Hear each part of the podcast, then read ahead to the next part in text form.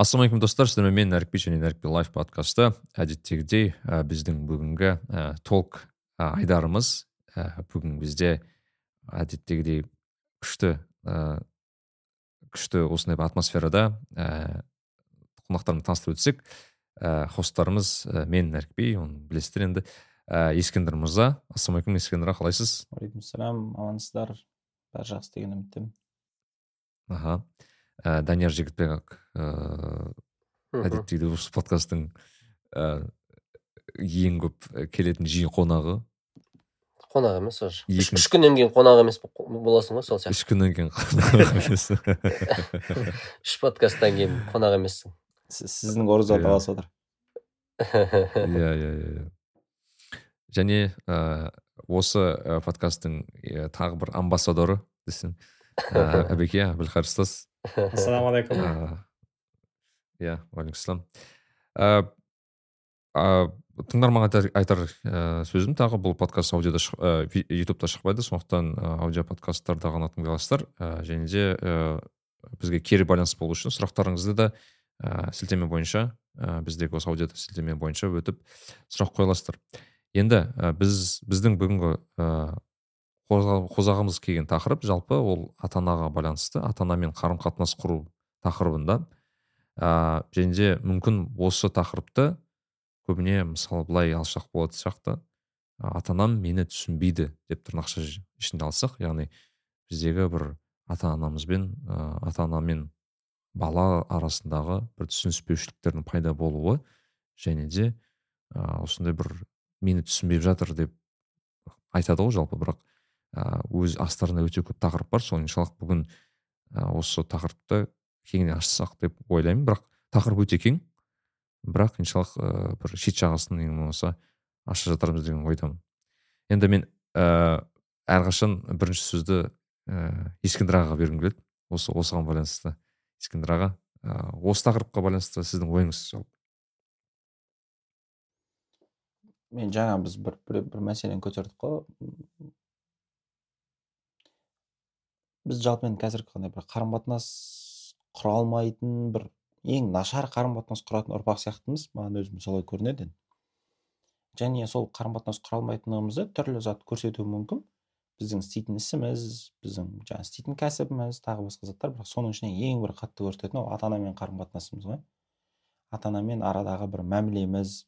Қаншалықты сол бір өзара түсіністік орната алдық орната алмадық. Қаншалықты мысалға бізге бірге болу ол кісілермен комфортты. Мен мысалы жастардан осыны көп естимін да ата ана мені түсінбейді.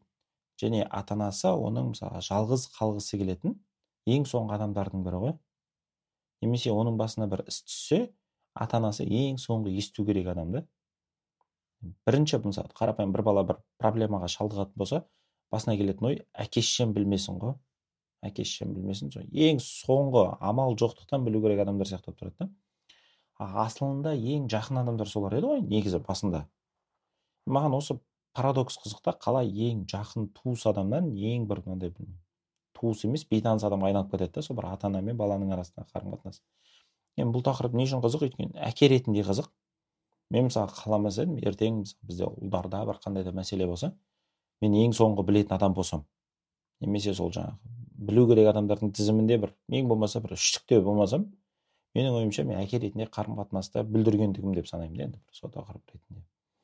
Ыыы өте ауқымды тақырып деп ойлаймын бірақ десек те қарапайым бір қадамдармен шешіледі дегенге сенемін. Қысқаша кіріспе ретінде мынау жақсы бір интрига болды мынау. Мынау нені тыңдарманды ұстап тұратын сияқты қандай қадамдар екен деп бір соңына дейін тыңдайтын сияқты ғой. Соңында бонус береміз деген сияқты. Соңында айтамыз деп. Иә иә соңында айтамыз. Ыыы мен енді менің ойым ана бір подкасттарда болады ғой бір анау ауаны толтырып жіберетіндей бір сөйлеп кететіндер болады ғой бір.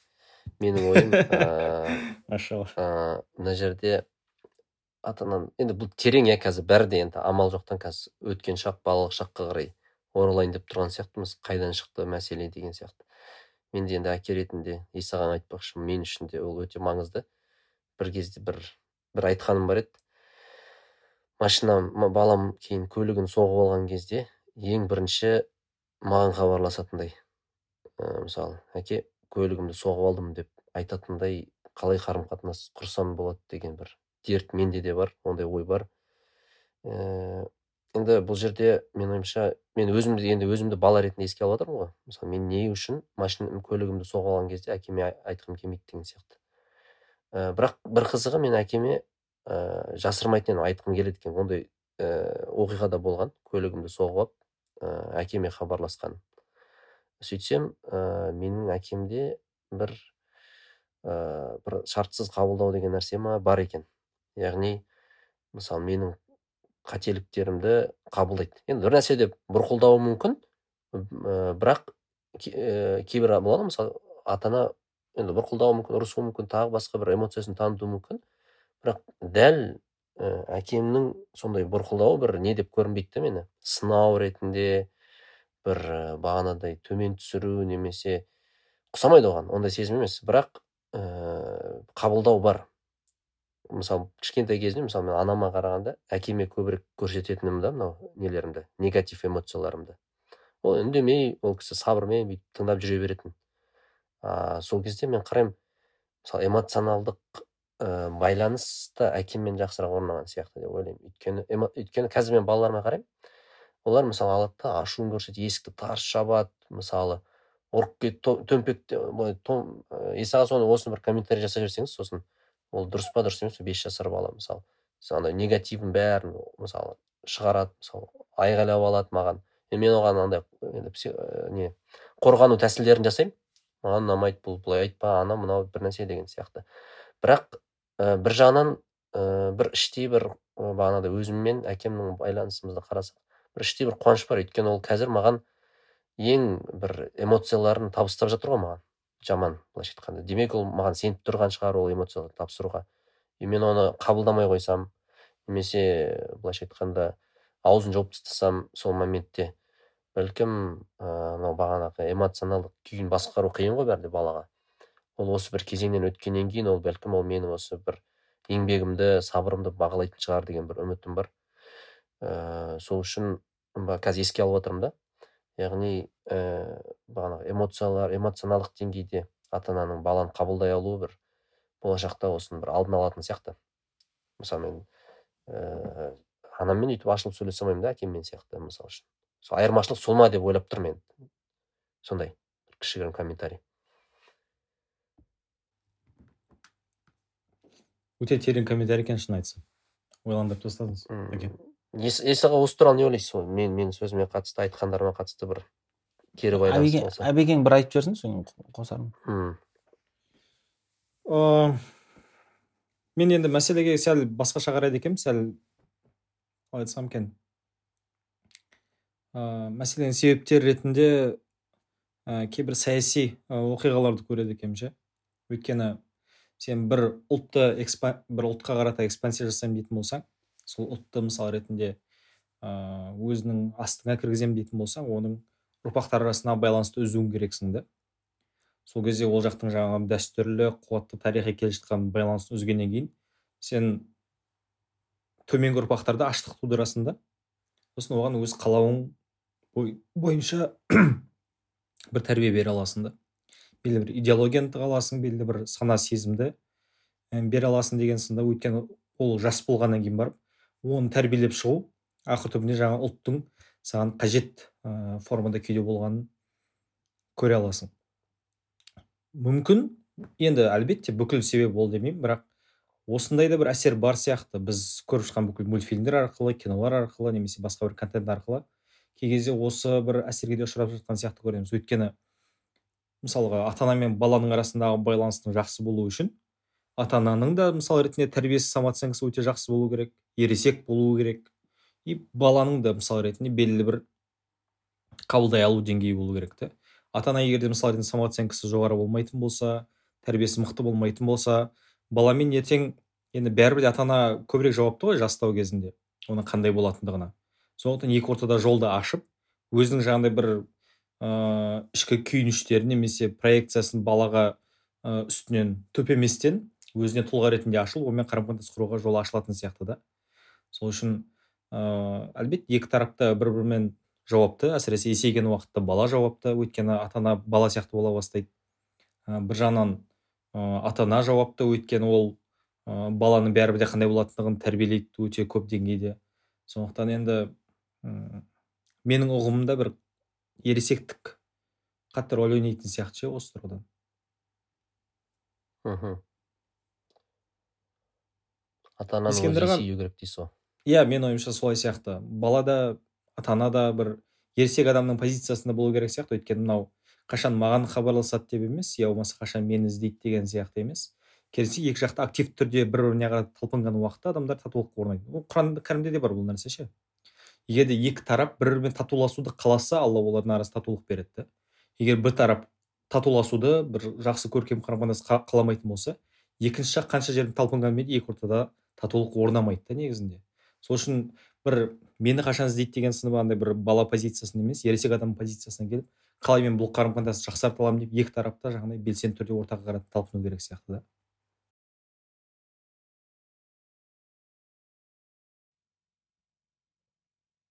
Күшті идея мынандай жаңағы коммент айтып көрейінші януш корчак деген педагог бар.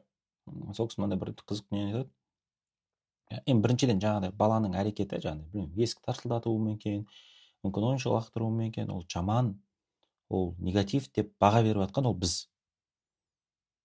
Иә бала оған ондай баға беріп жатқан жоқ. Бала оны мүлдем басқаша қабылдап жатқан болуы мүмкін да.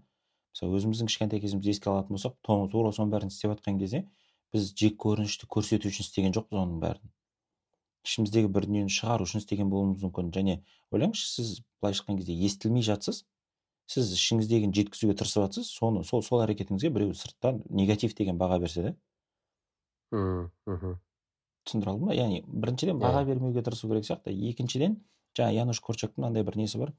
Ә, қарым қатынас әлсіреген сайын жұқарған сайын қамқорлықтың шекарасы тарылады дейді ол қамқор қарым қатынас әлсіреген сайын деген не? Ол қарапайым тұрғыда мысалға білмеймін мысалы біз жақсы көретінімізді жиі айтатын болсақ мысалы. Ол қарым қатынасты нығайту тереңдету. А бізде ол жалпы біздің қоғамда әсіресе қазіргі қоғамда айту норма емес қой. Мысалы жаңағы сол мамандар баланың жаны сусындап тұру үшін күніне жеті рет есту керек дейді да. Мысалы мен сені жақсы көремін деген сөз. Ол тек қана бала емес кез келген адам деп ойлаймын. Мен тура соны естіп тұру керек.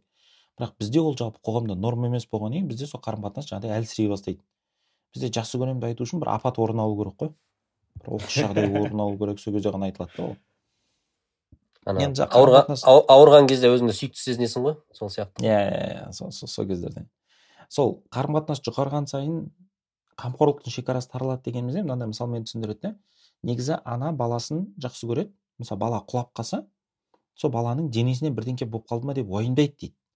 Бірақ оның қамқорлығының тарылғандығы соншалықты қамқорлығы баланың денесіне емес киіміне көрініс табады дейді да. Жыртылып қалмады ма ана киімің деп ше? Сен мына жаңа киім жыртып алмадың ба деген сияқты сипатта көрініс тапқан кезде баланың тұлғасына да жаңағыдай зақым келе бастайды ғой. А бұларға менен гөрі менің киімім қызығырақ деген сияқты. Негізі кез келген ата анаға киімі қызық емес баланың сол жердегі денесі жаны маңыздырақ. Бірақ бағана қамқорлық тарылып қалған әбден шектеліп менің көрінісім жаңағы қамқорлығымның көрінісі заттарға шығып кетіп жатыр ғой.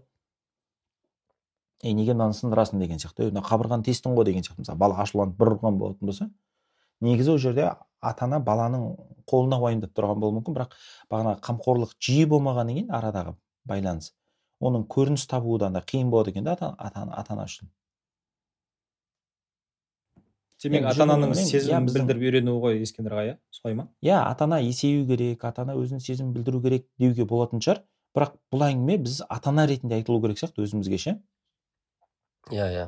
Не андай не ретінде бала ретінде емес.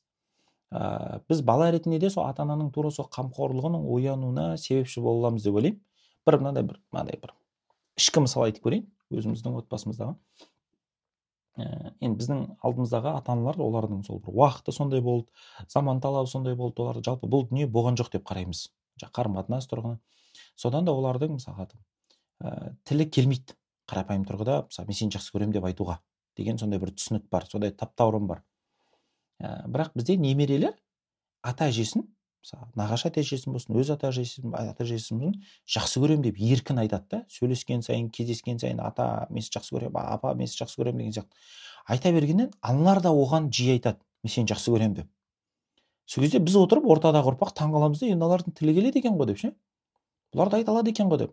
Бірақ ана жерде баланың артықшылығы не болды? Кішкентай бала сол бағанағы білмеймін ортадағы барьерді бұза алды да өзі бірінші жақсы көремін деп айту арқылы олардан ана сөз шығарып алды ғой. Былайша айтқан кезде сол сөзбен бірінші толтырды.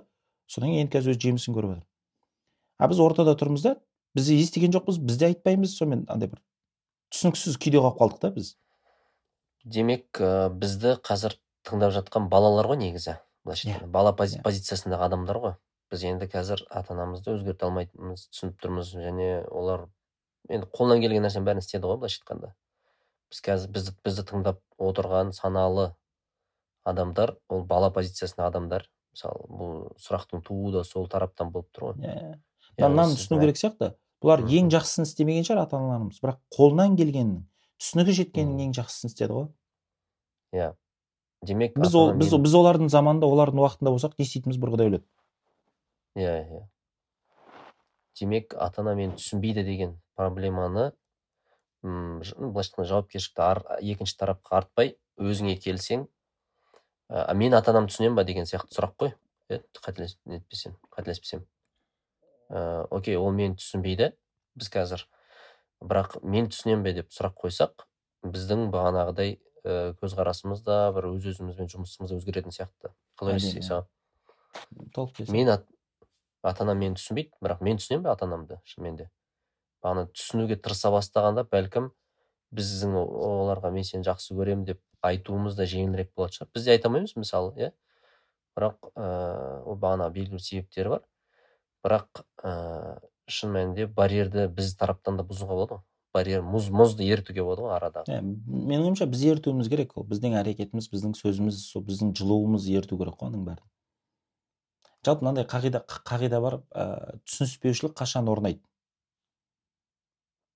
Екі тарапта түсіндіруге тырысқан кезде ғой. Мысалы. Ол мейлі ата ана мен баланың арасы емес кез келген қарым қатынаста мысалы. Мен түсіндіруге тырысамын да мысалы дәке сізге түсіндіруге тырысамын дәке мынау дұрыс емес деп ше? Сіз маған түсіндіруге тырысасыз жоқ бұл дұрыс деген сияқты. Болды екеуміздің арамызда түсініспеушілік орнайды ғой. Ал егер біз екі тарап түсінуге тырысатын болсақ түсіндіруге емес. Мен мысалы мен түсінуге тырысамын да сіз неге олай әрекет етті екен деп ше? Сіз түсінуге тырысасыз неге бұған ұнамай жатыр екен деген сияқты. Сол кезде түсіністік орнайды ғой. Мен ойлаймын басты проблема енді ол кез келген қарым қатынаста ерлі зайыптың арасындағы болсын ата ананың ата әженің маңызды емес. Ә, басты проблема түсіндіруге тырысамыз да біз. Ата ана отырып баласына түсіндіруге тырысады оның таңдауы әрекеті дұрыс емес екендігін оның тезірек мемлекеттік қызметке иә ол түсінетін жұмысқа бару керек екендігін. Тура сол сияқты бала отырып оның таңдауы маңызды екенін оның қалауы бар екенін түсіндіруге тырысады да. Иә иә қазір диплом маңызды емес мама папа сіздер Иә. білмейсіздер деп шынымен түсіндіріп кетеді ғой. Иә иә. Мен мен мен білмеймін қайтадан бір андай ашылып көретін болсам ә, мындағыға дейін менде әке шешеммен қарым қатынас әкеммен оның ішінде мықты болды деп айта алмаймын. Өйткені жаңағыдай андай ә, діннің себебінен ғана болды ғой егер ашығын айтатын болсақ. Мхм. Мен мен мысалы қорқамын. Мен мысалы ислам болмаса мен ол кісілерге қандай қарым қатынас құратынымды бір құдай біледі да. Өйткені таза андай бір мен ұлмын ғой мен баламын ғой деген сияқты бір шеңбермен шартпен ғана жүруге тырыстым дейікші бірақ кейін осы қарым қатынастың маңыздылығын оның нәрін түсіне бастаған кезде былайша айтқан кезде құрылған қарым қатынастың дәмін сезген кезде мен әрекет ете бастадым. Яғни ол кісілерді түсінуге тырысамын. Ол кісілер маған қандай да бір уәж айтатын болса қандай да бір сын айтатын болса мен түсіндірмей мен түсінуге тырысамын да отырып алып. Неге ол кісілер бұлай әрекет етті? Неге бұлай осы бір түсінуге ұмтылыс көп затты шешіп берді да. Қазір мысалы аллаға шүкір қарым қатынасымыз менің ойымша ә, едәуір жақсы да. Мысалы ашыла аламыз сезім білдіре аламыз. Ол кісілердің тарапынан да менің тарапымнан да. Және менің түсінуге тырысқандығым ол кісілерді де осы әрекетке шақырып жіберді да олар да түсінуге тырысып кетті. Бірақ мен осыдан мысалы айталық он жыл бұрын деп алатын болсақ ешқашан мен ойламағанмын әке шешем мені түсінеді деп ше. Мхм. Негізі мына жерде ә, дін деп жақсы айттыңыз. Өйткені ол бәрі де дін деген бағана ракурсты өзгертеді ғой.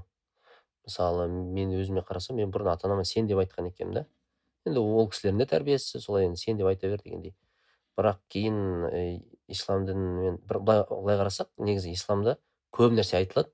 Бірақ дәл осы отбасы құндылығы ата анамен байланыс деген өте көп айтылады екен негізі. Ғабеке қазір бір мысалдармен растай жатыр.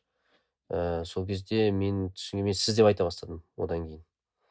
Сосын анау мейірім қанатын жай деген нәрселер бар ғой енді. Ә, сол нәрселер сіз айтпақшы ә, менің бағанағы түсіндіруші позициядан түсінуші позицияға өтуіме ә, жеңіл бір жол салып берді да. Әйтпесе басқа бір шын- шынымен де басқа бір түрткі көрмейсің да негізі.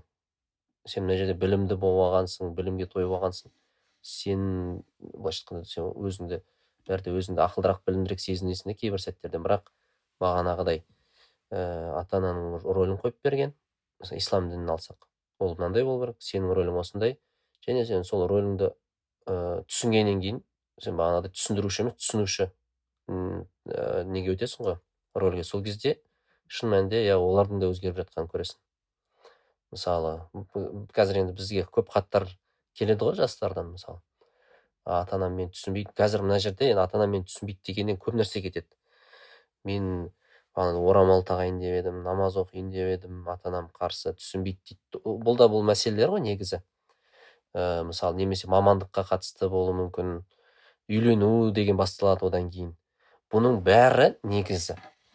Егер де арадағы түсіну деген нәрсе болған кезде болмайтын еді ғой бұл проблема бәрі. Мысалы егер былай қарасақ проблема ә, көп сияқты ата анам мені түсінбейді мысалы. Менің а менің мысалы не дейді? Ә, намаз оқуыма орамал тағуыма қарсы деген нәрселер бар ғой негізі. Таза осы түпкі себебін қазып көрсек бағанағы коммуникация болмағаннан түсінбегеннен ғой. Солай солай ойлаймын да өзім. Менде бір қызық оқиға осы так Мгм. айта беріңіз мен сізді аяқтап осы осы түсіну деген мәселені егер реттеп алсақ коммуникацияны онда ата ана да скорее всего қарсы болмайды орамалына намазына. Скорее всего оның таңдауына мамандық таңдауына да қарсы болмайды. Негізі бұның бір шешімі бар ғой бәрі де. Иә беке айта беріңіз. Ә, жақында әкеммен сөйлестім да. Әкеммен енді мамам екеуі бір сериал қарап отыр. Мен әкемді танимын да ол бір ә, асылы негізі ондай сериал көретін адам емес та. Сериал көретін. дорама емес қой әйтеуір. Жоқ дорама емес турецкий сериал ма бір нәрсе енді жалпы әкем ондай бір телевизор қарайтын сериал көретін адам типі емес мүлдем. Бірақ қараймын мама екеуі сериал көріп отырады енді мен көбінше соңғы он жыл алматыдамын ғой. И барсам демалыстың кезде мама екеуі сериал көріп отырады. Сосын барып бір жеке қалған кезде пападан сұрадым. Әке осы сіз сериал көрмейтін едіңіз ғой негізі? Зачем сізге сериал көріп жалпы ол неге деп сөйтіп сұрадым таң қалып түсіне алмадым да енді жаңағы не үшін олай деп. Ой балам мамаң екеуміз не әңгіме айтамыз дейді да. Сонда әкем жаңағы мамамен қарым қатынас құрып бір ортақ тақырыптар болып бір нәрсе жаңағы талқылау үшін әдейі сериал көреді екен да сол мамамен бірге отырып ше бір қызық нәрсе мен ата анаммен қарым қатынасты түзетуге тырысқаным енді мен бүкіл нәрсені әдетке апарып тірей беремін да көбіне. Өйткені мен ұғымымда бір уақытқа арналған бір тұрақты түрде жасалған нәрселер нәтиже береді деймін да.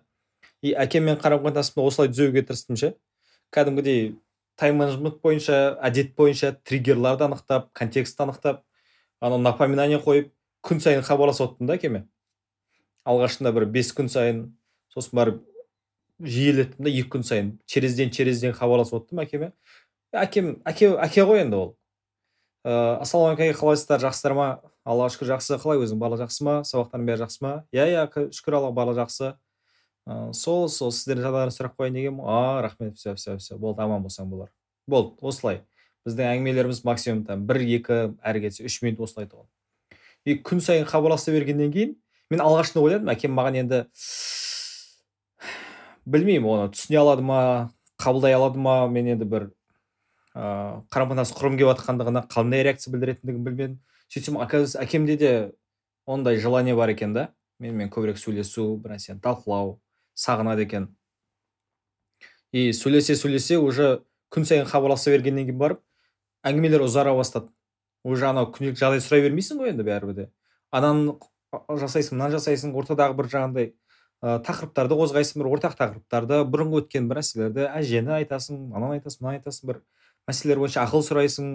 Әкем алғашында көп ақыл айтпайтын өйткені біздің тәрбиеміз солай болды. Біздің әулетте әркім өз шешімін қабылдайтын прямо ешкім ешкімге араласпайтын.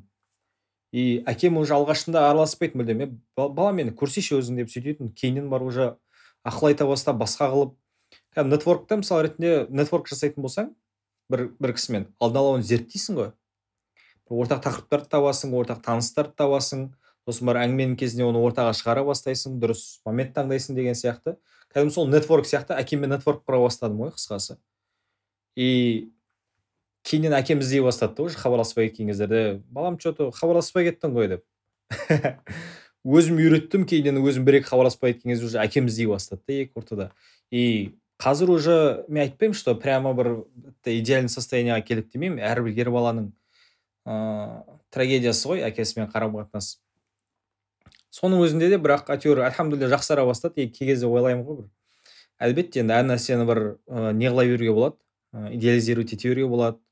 Әр қырынан қарай беруге болады. Бірақ ақыр соңына келген кезде просто қарапайым уақыт бөлумен бір ортақ тақырыптар тауып бір қарым қатынас құруға тырысу. Ол да бір адам ғой бәрібір ше. Саған бір бір кісімен қарым қатынас құру керек болса интервьюін алу керек болатын болса бір жолын табасың ғой. Тура сол сияқты бір көңіл бөліп екі ортаға бүйтіп бір талпынған уақытта енді бәрібір де бізге активный позицияға тұру керек сияқты ше. Мына бір нетворк деген сөзіңіз триггер болып кетті да? Мысалы біз ә, шынымен де егер окей о баста бір жат адам деп ойласақ ыыы бағанағыдай шынымен де ә, не істейсің ғой анау карнегиді оқып аласың есімін айтасың дұрыс тыңдайсың деген сияқты. Не ойлаймын ол осы әдісті неге қолданып көрмеске деп ойлаймын да енді.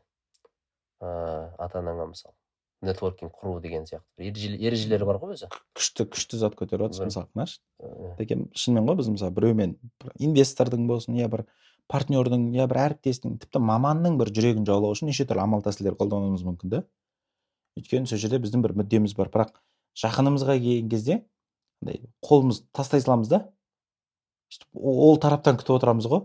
Қалай ойлайсыздар? Неге өйтеміз біз? Бізде жақын адамдар ең сорлы адамдар ғой. Өкінішке орай. Біз ең жақын бауырымызды боқтаймыз. ең жаңағындай бір қонақтар келген кезде ең тәтті тамақтың барлығынан баланы ар алыстап тастаймыз. Білмеймін неге екенін. Бізде ғана емес шығар ол нәрсе бірақ жалпы осындай бір нәрсе бар ғой. Қазақта ғана деп айтпаймын еркелігімізді көрсететін адамдар ма? Иә иә. Еркелік бәлкім біз ыыы анау ы, болды анау біздің территориямызға өтіп алды. Ы, бұл анау өзімен өзі өсе беретін гүл деп қабылдап қалатын сияқтымыз. Суаруды қажет етпейді деген сияқты. Менің ойымша андай не сияқты иә соған келетін сияқты көбінесе яғни біз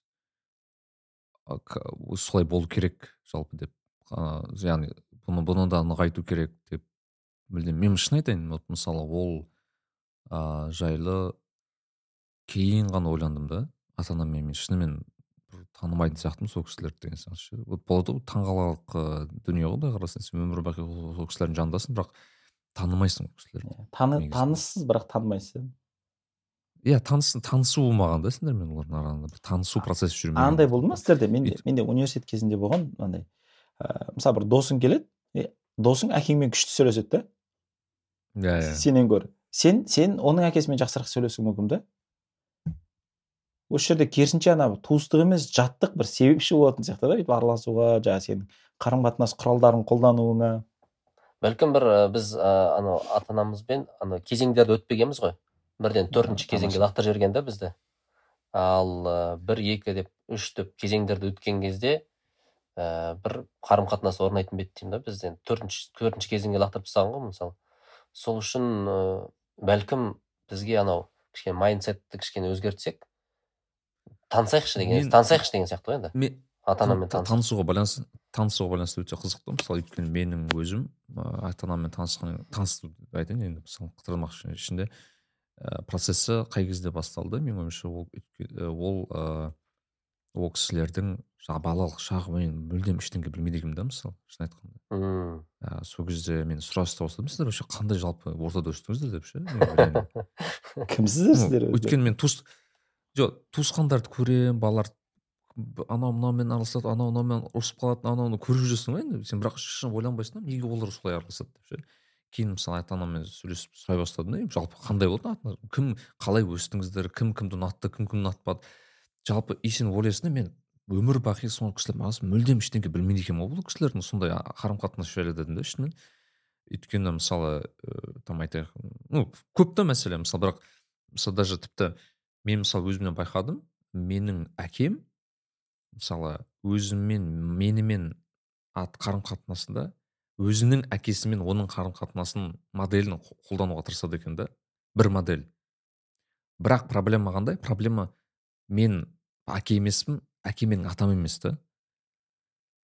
Ә, мінез құлқы жағынан болсын түсінігі жағынан әртүрлі адамбыз шыны керек бұл жерде әртүрлі заманадан өкілдеріміз. Бірақ моделіміз ұқсас та и мен ойлайтынмын кішкене модель келіспейді өйткені менің атам өте тұйық адам еді да ол тұрғыда. Өйткені ол кісілер енді шынымен там он бір балаң бар сори типа он бір баланың әрқайсысына сен one to one сөйлесе алмайсың енді шыны керек. И ә, мысалы ә, мен әкеммен мысалы бір байқадым ә, мысалы бір бір зат талқылайтын болсақ ең үлкен аргумент ол мынандай болатын. Мен ата мен әкеммен не істемейтін қарсы шықпайтын деген сөз айтады да. Или немесе мамам айтады мен мамаммен қарсы шықпайтын деген и кішкене бір манипуляциялық нелер қосылады да нелер ә, момент моменттер қосыла бастайды да сөйтіп жауап бере алмайсың да. И ішінен ойлайсың бірақ енді ол сізбен ата анаңыздың арасында болған әңгіме ғой по идее былай қарасаң. Маған не қатысы бар? дегендей болады да кішкене. Ә, біз басқа адам емеспіз ба жалпы негізі? Біз басқаша мүмкін құру керек шығар. И менің ойымша осы тұрғыда ата аналардың көбі сол модельді қалыптастырып беретін сияқты яғни мысалы мен ата анаммен солай болдым значит менің балам да сол ата ана мүмкін сондай жағдайда болу керек. Мен білмеймін сондай бір кейде ой пайда болады өзіме. Ол кісілердің бар, мүмкін бар көргені сол ғой. Қызығы білесіз ба нәке? Сол заттар ол менің өзімнің мысалы менің әкеммен қарым қатынасым менің баламмен қарым қатынасыма әсер етпейді ғой. Менің жарыммен қарым қатынасыма менің жұмыстағы әріптестеріммен қарым қатынасыма бәріне ықпал етеді негізі ше? Оның, оның ықпалы біз ойлағаннан әлдеқайда кең ғой. Е мен мынандай бір дүние мен таныстым бір курста. Ә, сол курста мен үшін біраз шешім сияқты болып көрінді сол. Ә, мысалы қараңыздаршы бізде қазір мысалы жасымыз бар. Жеке куәлігімізде жазылған жасымыз бар иә? Мына жылы мынандай уақытта туылды деген. Бірақ сонымен қатар біздің жасымыз тек онымен есептелінбейді ғой. Мысалы отыз жаста бір үш бала үш жастағы баланың тірлігін істеп жүретін кісілер бар. Немесе керісінше мектепте жүріп кәдімгі отыздағы еркектің тірлігін істеп жүрген кісілер бар.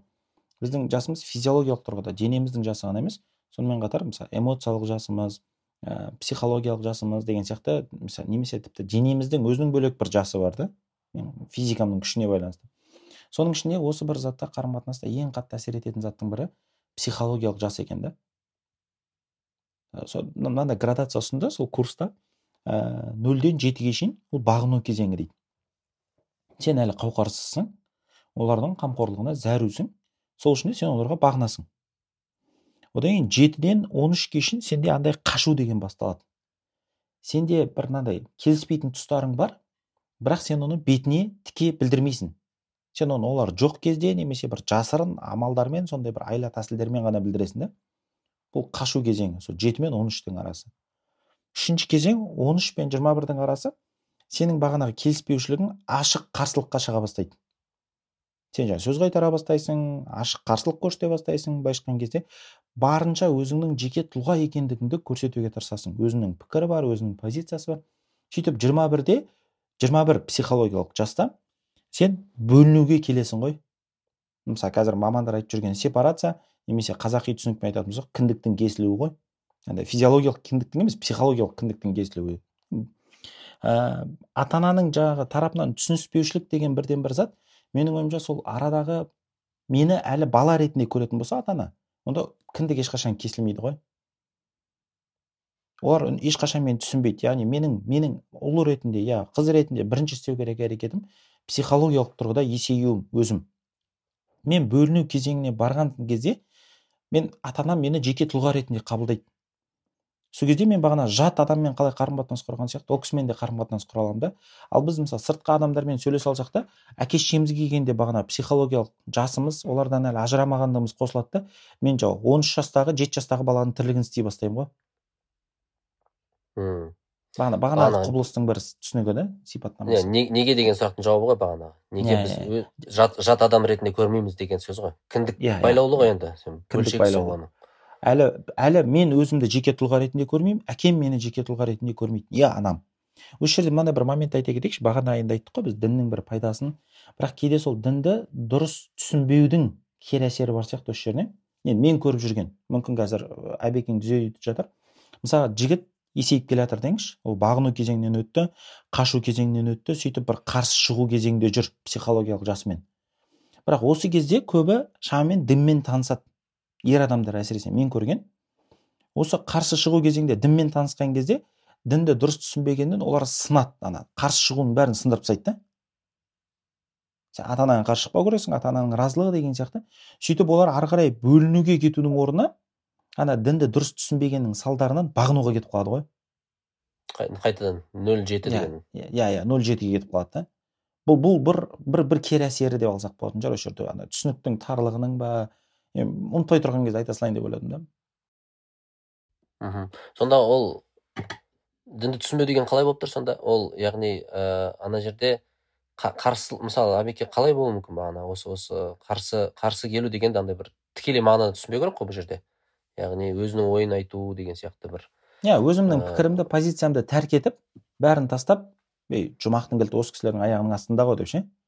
Енді қараңыз мысалы ол кісілердің айтқанын айтқанын істесем мен түбі ұтылып қалуым мүмкін.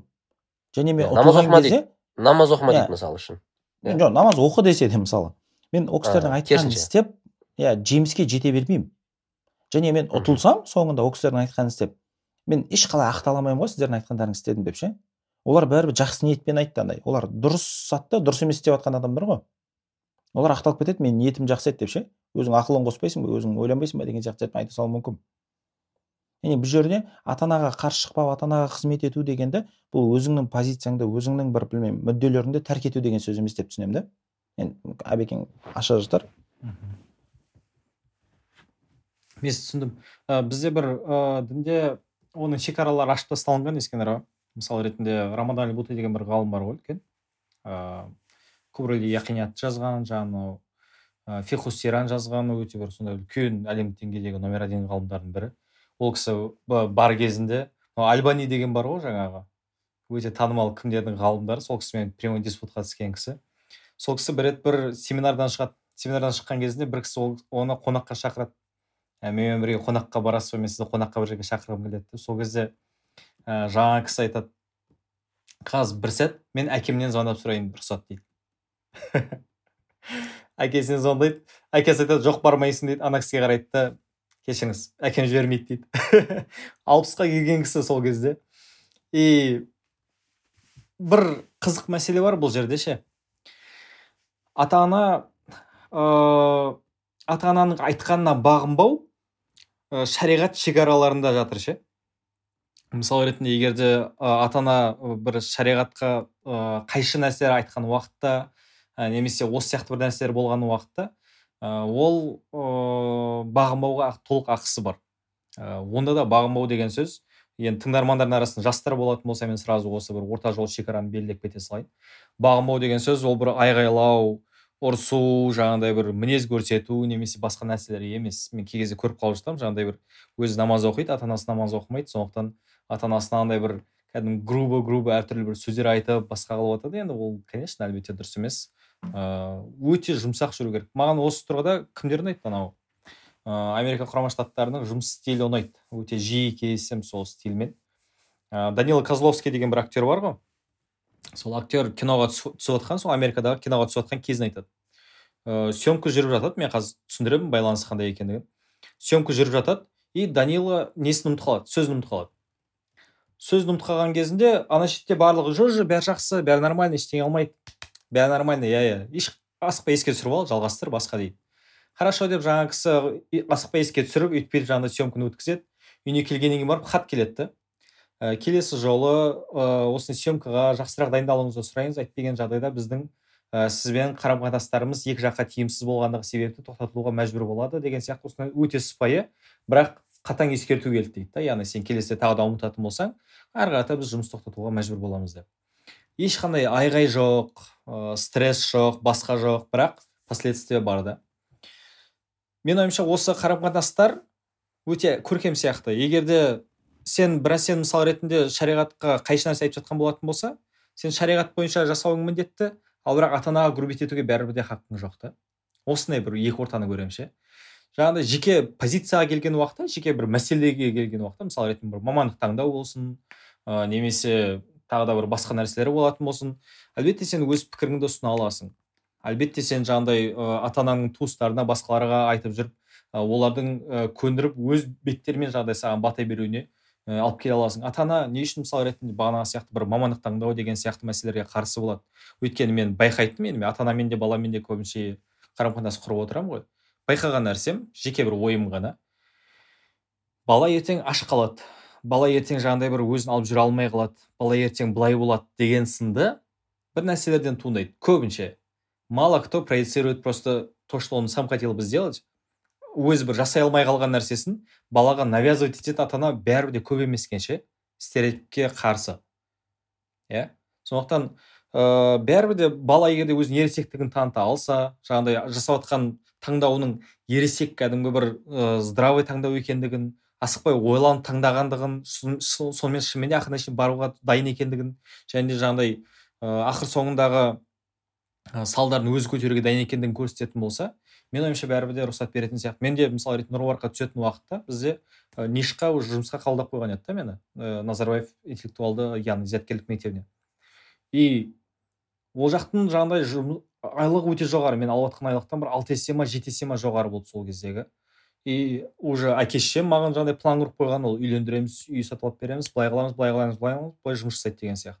И мен аламын да келемін да айтамын жиырма бір жасқа келген уақытта папама мен нұр түсемін ғылым жолын қуамын деймін да. Алғашында олар әлбетте түсінген жоқ. Әлбетте түсінген жоқ. В шоке болып қалды. Мен қайта қайта истихара намазын оқимын да. Ыыы и келіп айттым. Алғашында әке шешем енді мені көңілімді сындырғысы келген жоқ басқалғысы келген жоқ бірақ көңіліме қарап қоя салды. Да екіншісіне қайта қайта истихараны оқып оқып оқып оқып тағы да отырғызып қойып папама ә, ол былай болып тұр ол былай былай былай былай менің арманым ойым былай деген сияқты. Мен әбден зерттеп жаңағы қарағам жұмыс орындарына да қарағам басқасын қарағам. Келіп айтқан уақытта уже бірнеше мәрте келіп айтқаннан кейін барып көңілім соған тұрақтағандығын асықпай қабылдаған шешімім екендігін түсінгеннен кейін барып рұқсатын берді. Да и кейін уже бітірген уақытта шынымен сол ойлаған нәрселерімді жүзеге асырған уақытта сол кезде барып уже мені мойындай бастады былайша айтқан кезде. Ә, балам сені мықтан тұтамыз молодец деген сынды. Менің ойымша осы бір жаңағы сияқты преградалардан өте алу керек сияқты. бірақ енді ата анаңыз түсініп тұр ғой сізді иә? Жолың бір белгілі бір деңгейде жолыңыз болып тұр ғой. Яғни ол, ол кісілер де бәрі де ә, сізді бағанадай ә, кіндіктің кесілуіне жіберген болып тұр ғой енді. Тыңдап мынандай зат бар сияқты теке. Ана түсінуге мен мен не естідім әңгімеден ә, мүмкін әбекең сол кезде әке шешесі түсінбеген шығар бірақ қабылдаған сияқты да иә жүз пайыз. жарайды деген сияқты ше бүйтіп. көр ал мхм иә не істейін деп жатыр мен білмеймін әлі бірақ жарайды қабылдаймын көр бірақ әбекеңнің ситуациясына ұқсас ситуацияда бізде қазір тыңдармандар бар ғой. Мысалы жоқ сен оқымайсың дейтін позицияға тұрып алуы мүмкін ғой ультиматум ультиматум. ультиматум. ол кезде әбекеңнің реакциясы қандай болатын еді мысалы үшін? Әбекең деген жалпы бір образ ғой енді? Иә әбекеңдердің образы. Иә мен жеке мен мысалы бір бағана бір мен, мен айта кетсем болады ма ұмытпай тұрғанда. Иә иә дәке дәке давай. Иә ана бағанағы осы тақырып жабу ғой енді. Ана мысалы ата анаға бағыну деп исламмен бір параллель мысалы мынандай бар да. Ә, сені әкең бар арақ алып кел деп жұмсайды мысалы үшін. Сен оны біліп тұрсың енді ашық дұрыс емес ол болмайтын нәрсе дейді. Бар да магазинге. Мен бұны бір бір неден уағыздан бір естігемін әйтеуір. Сосын бір бұл маған бір ә, жақсы бір сабақ болды. Сабақ дегенде бір инсайт болды бұл жерде. Әкең сені араққа жұмсады. Бар да магазинге барып арақ алып кел деді. Енді ә, енді ислами баланың әдебі қандай болу керек деген сұрақ қой. Әдетте ә, біздің реакциямыз біздің деген дінді енді үйреніп шала бір түсінігі бар шала білімі бар діндарлау ә, баланың реакциясы қой құдай сақтасын қайдағы не бармаймын мен осындай осындай деп реакция таныту мүмкін ғой негізі. Сөйтсем ана жердегі шешім мынадай екен дейді. Сен бар да магазинге барып орнына лимонад алып кел сок алып кел дейді да. Сен как бы оның магазинге бар дегенін хотя бы өтінішін орындаған боласың дейді да енді. Бірақ арақ әпермейсің ғой енді біліп тұрсың ғой сен құндылықтарыңа сәйкес емес. Бұл жерде бір ә, орта жолды көріп тұрмын да. Бір жағынан ә, бұл бұл бағанағы неге шығып кетті ғой? бағыну деген тақырыптан шығып кетті ғой. Ата анаға бағыну деген сияқты. Сол кезде бір жағынан сен өз позицияңды ұстап тұрсың. Екінші жағынан ә, белгілі бір деңгейде екінші тарапқа да құлақ асқан болып тұрсың ғой енді мына ситуацияда. Дәл сол сияқты ә, бұл жерде енді екі тарапты ойлау керек. Мен бағана тағыдай басында бір тақырып болды. Бағана айтып жатсыз ғой қарым қатынас қатты әсер етеді деп. Мысалы бізде тоталитаризм болды авторитаризм болды. Былайша айтқанда отбасы ә, отан отбасынан басталады дейді ғой. Менің ойымша бізде қазақстанда демократия қашан болады? Ә, отбасында демократия болған кезде. Отбасында демократия орнаған кезде қазақстанда да демократия орнайды да. Сол үшін біздің отбасыларымызда қазір автократия негізі. Біз автократиялық режим тоталитаризм демей ақ қояйын. Автократиялық режимнен шықтық та. Сосын біз таңқаламыз қазақстанда неге осындай әлі күнге дейін осындай осындай. Түптеп келген кезде мысалы бағанағы мәселе көп отбасы қаңтар оқиғасының алдында тұр ма?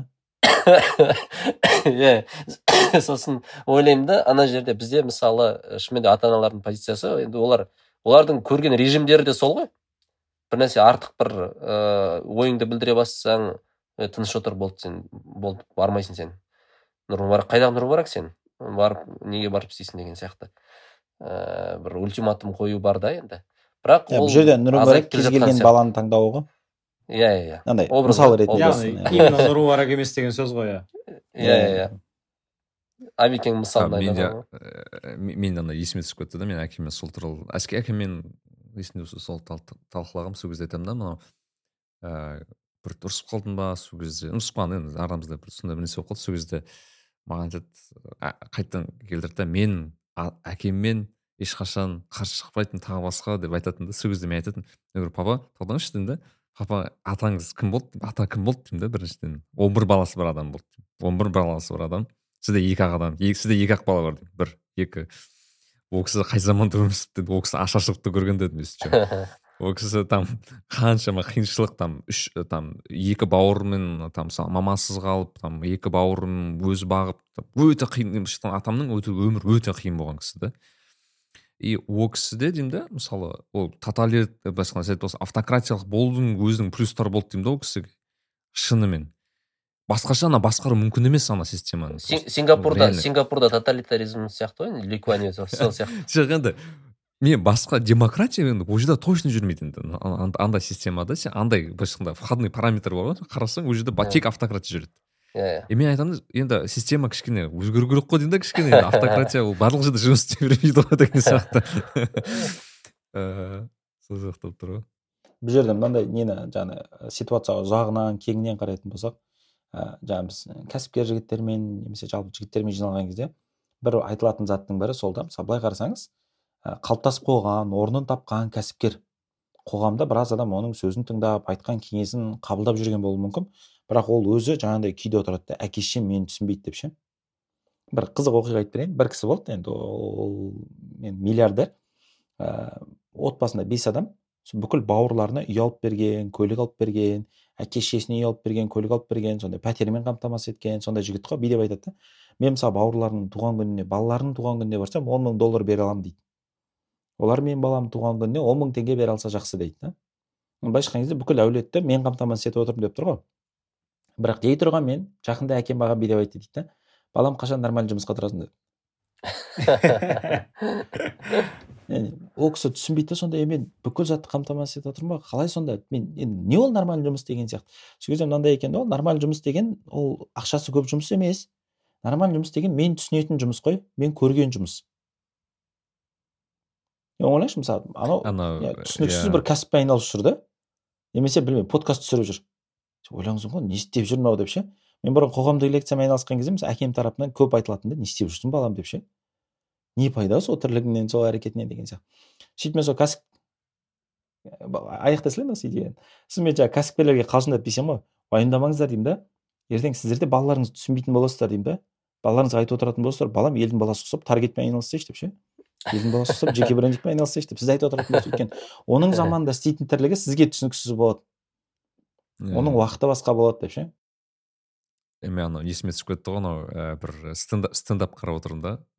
Стендап бар ғой комедия сол кезде бір ә, неде әлемде жалпы форбста әлемдік форбста ә, бір үндіс кісі бар да жақында бір бір жылдары бірінші орынға шығып кетті сол кісі есімде бірінші немесе екінші орынға. Аты адани да кісі рахул адани есімде болса. Или густам адани а гаутам адами.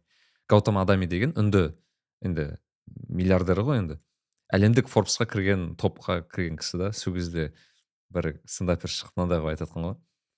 Сөйтсе естен шығармаңыздар дейді да үнді бұл кісі миллионер болғанмен ол ә, үнді дейді да және үнді оның ата анасы да үнді дейді да скорее всего дейді да оған былай айтады. Скорее всего оның ата анасы оған келіп былай айтқан ей гаутам сенің ісің дұрыс конечно бірақ сен қашан нормальный мамандыққа түсесің? Ай бір доктор болмайсың ба? деп айтады. Ол үнді ғой дейді да үнділердің сондай өзінің арасында фрик ұстап тұр да. Бәрі үнді. Үнділердің бәрі доктор болғысы келеді деген сияқты сол есіме түсіп кетті. мен бұдан бір мынандай түйін шығарсақ та болатын шығар.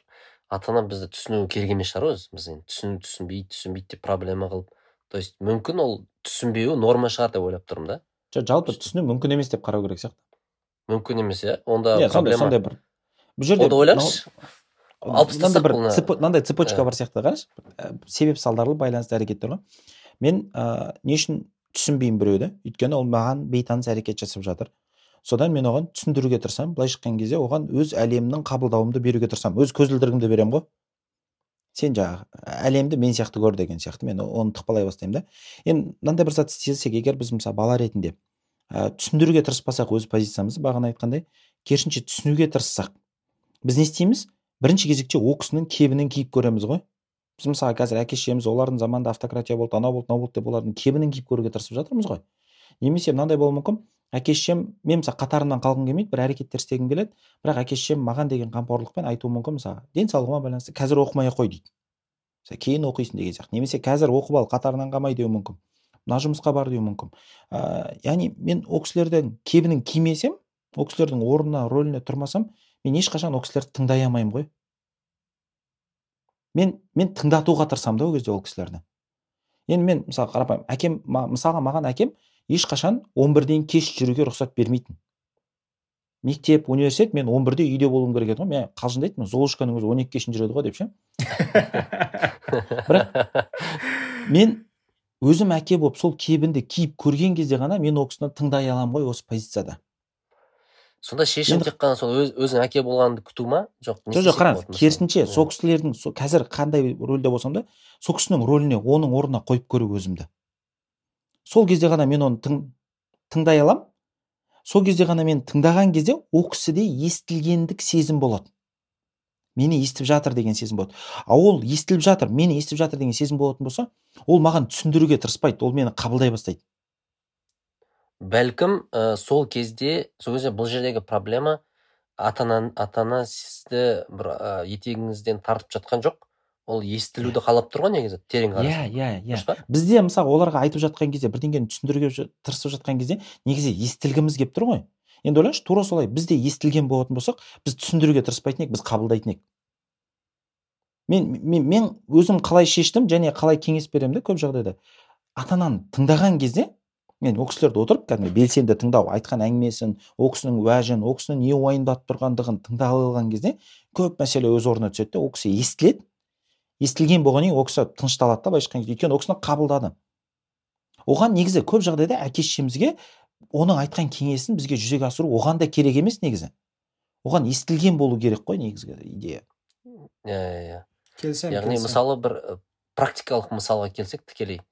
Мысалы қазір ә, бір 18-22 жастың арасындағы ә, жас пен ата анасының арасында қандай бір ә, конфликт болуы мүмкін? Мысалы ол айтуы мүмкін. Мысалы мен есіме түсіп тұрғаны ә, ол кәсіппен айналысамын жұмыс істеймін деуі мүмкін. Немесе оқымаймын деуі мүмкін. Иә. Мысалы проблема дейікші мысалы енді қарашы осы жерде әке не үшін қарсылық танытуы мүмкін? Мүмкін әке білмеймін ғой енді біз білмейміз ғой оны оны не қозғап тұрғандығын. Бірақ ол қателескен шығар өзі мүмкін кезінде кәсіп бастаймын деп. Немесе ол кісіде қазақстанда кәсіп әділетті жасау мүмкін емес деген түсінік бар шығар. Сөйтіп баласының арамдыққа барғанын қаламайтын шығар. Бірақ оны айта алмайды ғой. Бізде жалпы адамдардың проблемасы өз ойын пікірін тілмен айта алмайды. Сен оны қазып ақтарып тыңдап түсініп алу керексің да тауып алу керексің ішіне не айтқысы келіп тұрғанын бірақ осы тыңдалғысы келіп тұрған зат жеткен кезде арада мәміле орнайтын сияқты да. Мынандай бір мен білмеймін біртүрлі бірақ тәжірибе бар мынандай ә, балабақшада балаларға мынандай тәжірибе жасайды үш түрлі кубик қояды да. Қызыл жасыл сары деген сияқты. Үстелдің екі шетіне екі баланы отырғызып суретін салыңдар дейді. Сөйтіп суретін салады мысалы мен қазір салсам қызыл жасыл сары қылып саламын сіз маған қарама қарсы отырған бала ретінде сары жасыл қызыл қылып саласыз. Өйткені сізге солай көрініп тұр да ол. Енді қарама қарсы отырған бала қалай көріп тұр солай салшы дейтін болса баладан. Ол бәрібір өзінікін сияқты қылып салады. Өйткені оның түсінігінде ол әлі танымы жеткен жоқ ол 180 градусқа өзгеретіндігін ше. Мхм. Біз қазір иә иә иә. біз қазір кубикті түсінуіміз мүмкін. Қарсы тарапта басқаша көрінетіндігін бірақ өмірдегі кез келген ситуация сол кубиктар сияқты ғой. Мен қалай көріп тұрмын? ол қалай көріп тұр. мен ол қалай көріп тұрын түсінуге тырысқан сайын арада мәміле орнайды ара жақындайды. мен ол кісіні ол кісіні ести бастаймын. мейлі ол әкем болсын анам болсын басқа адам болсын. ол естілген сайын ода түсіндіру қажеттілігі кетеді ғой. Иә. Және сіз ә, сіздің бір ә, былайша айтқанда мысалы сізді бағана жас адамның ә, дегенін екінші тарапта ести бастайды ата анасы ә, скорее всего окей деп айтады оның батасын береді деген сияқты ғой енді. Бір мына- бір мынандай мысал келтіріп қояйыншы менің өмірімде бір әрекетіме бір шешуіме әкем қатты қарсылық білдіріп жүрді қарсылық дегенде бағана ультиматум деңгейіндегі қарсылық қой. Не сен осыны істейсің не араласпай ақ қояйық деген сияқты ойлашы. Енді әкеңнен ондай зат есту деген. Бірақ сол кезде мен андай түсінуге тырыстым да ол кісіні неге бұлай болды неге бұл кісіде бұндай қарсылық бар осы тақырыпқа деген сияқты. сөйтіп баратынмын да тыңдайтынмын ол кісіні. Мүмкіндігінше жеке қалуға тырысасың барынша уақыт өткізуге тырысасың. Ол кісі ашылады ашылады менің сол кезде түсінгенім ол кісі кезінде сол тақырыпқа қатысты біраз андай елдің бәріне кеңес айтып тастаған да үйтпеңдер бүйтпеңдер деген сияқты. Сөйтіп өзі қазір соған тап болып қалды да былайша айтқан кезде. Өзі қарсы айтқан кеңесіне былай істемеңдер деген өзінің баласы істеп тұр да. И мен оны ол кісінің сол кебінін киіп көрген кезде мен кәдімгідей сезіндім. Ол кісінің ішінде қандай уайымдар болып жатқанын өзіңіз ойлаңызшы. Білмеймін сен бір зат айтып жүресің. Білмеймін мысалы кітап оқу туралы айтып жүресің өзің балаң кітап оқымайтын болса енді соққы ғой үлкен. Мен сол кісіні түсініп ол кісіні мен естідім сізді деген кезде мәселенің шешілуіне бір елу пайыз қадам жасалды ғой. Мм ары қарай Мен, оп оңай шешім тауып алдық та. Иә иә бұл негізі өте қиын бағана кубик сияқты. Бірақ ә, шынымен де енді ақыры екінші тарап келмей жатса бері қарай өзің баруың керексің ғой енді. Ә, мен Енді ол тараптан келуін күтпейік. Олар өмір бойы Иә. келмеген ғой. Біз ғана бара аламыз оны. Иә. Мен енді бәрібір де- мысалы иә айтыңыз дәке дәке айта беріңіз айта беріңіз. Мен есімде ә, мысалы он тоғыз жасымда бағана кіндік кесілмеген кездер болу керек. Ә, осылай намаз оқимын деген бір шешім қабылдадым ғой енді дінге келемін осылай деп. Сөйтсем бағана сіздің мысалыңызға ұқсайды ата анамнан ә, резкий ультиматумдар басталды да. Сөйтіп қазір есіме түсіп тұр сіздің сөзіңізден кейін. Сөйтсем ә, ол кісілер ә, көп андай негатив мысалдарды көрдік екі мың оныншы жылдар ғой. Және оларда ә, қорқыныш болды. Ә, сосын олар басқа бәлкім басқаларды сондай сынап жүрді айтып жүрді өз орталарында. Ойбай мынаның баласы бүйтіп кетіпті балағын бүйтіп тастапты бүйтіп тастапты деп сөйтіп айтып жүрген ғой. И хоп баласы мына жақтан шығып келе да. Сол үшін ана ультиматумның себебі сол екенін қазір мен енді енді түсініп жатырмын сөйтіп ә, енді қарсы болды әрине. Сосын қазір тыңдап отырған адамдарда да соған ұқсас проблемалар деп бар деп ойлаймын. Енді ә, кебінін киіп көру деген нәрсе менде болмады басында. Мен мыналар м- мен ата анам түсінбейді деген позицияда жүрдім ғой енді былайша айтқанда. Бірақ менде мынандай нәрсе болды. Ә, ондай емес екенін дәлелдеу деген болды да. Ну типа мен дінді ұстансам артқа кетіп қалмаймын керісінше ә, прогресс болады деп енді оны прогрессті көрсету үшін де бір, бір біраз жылдар керек болды. Сөйтіп ә, прогресс көрсеттім. Одан кейін ол кісілер енді түсінеді ғой бақылап жүреді ғой бәрі де енді қарсы ультиматум сен ар жақта жүресің. Ә, өзі өзі күтпеген өзі өзі күткен нәрсе болмай жатқанын көреді ғой енді. Мынандай болып кететін еді мынандай болып кетесің деп айтады күдіктері болмай жатқан. Күдіктері жүзеге аспай керісінше ә, қарым қатынас бірақ енді сабыр сақтау керек болды. Содан кейін олардың ойы өзгерді тіпті мынандай ә, орталарында мақтанатын болды. Менің балам осындай дін жолында осындай істеп келген осындай деп. Бірақ бұған жылдар қажет болды. Демек кейде бұдан шығатын түйін кейде ә, бір іспен де көрсету керек сияқты. Бірақ әрине мен ойлаймын бағанағы алгоритмді дұрыс сақтағанымда кебін киіп көру деген. Мен бәлкім кейбір кедергілерді көрмейтін едім өмірімде бағана ата ана тараптан азырақ уақыт кететін? А- азырақ уақыт азырақ кедергі болатын еді да.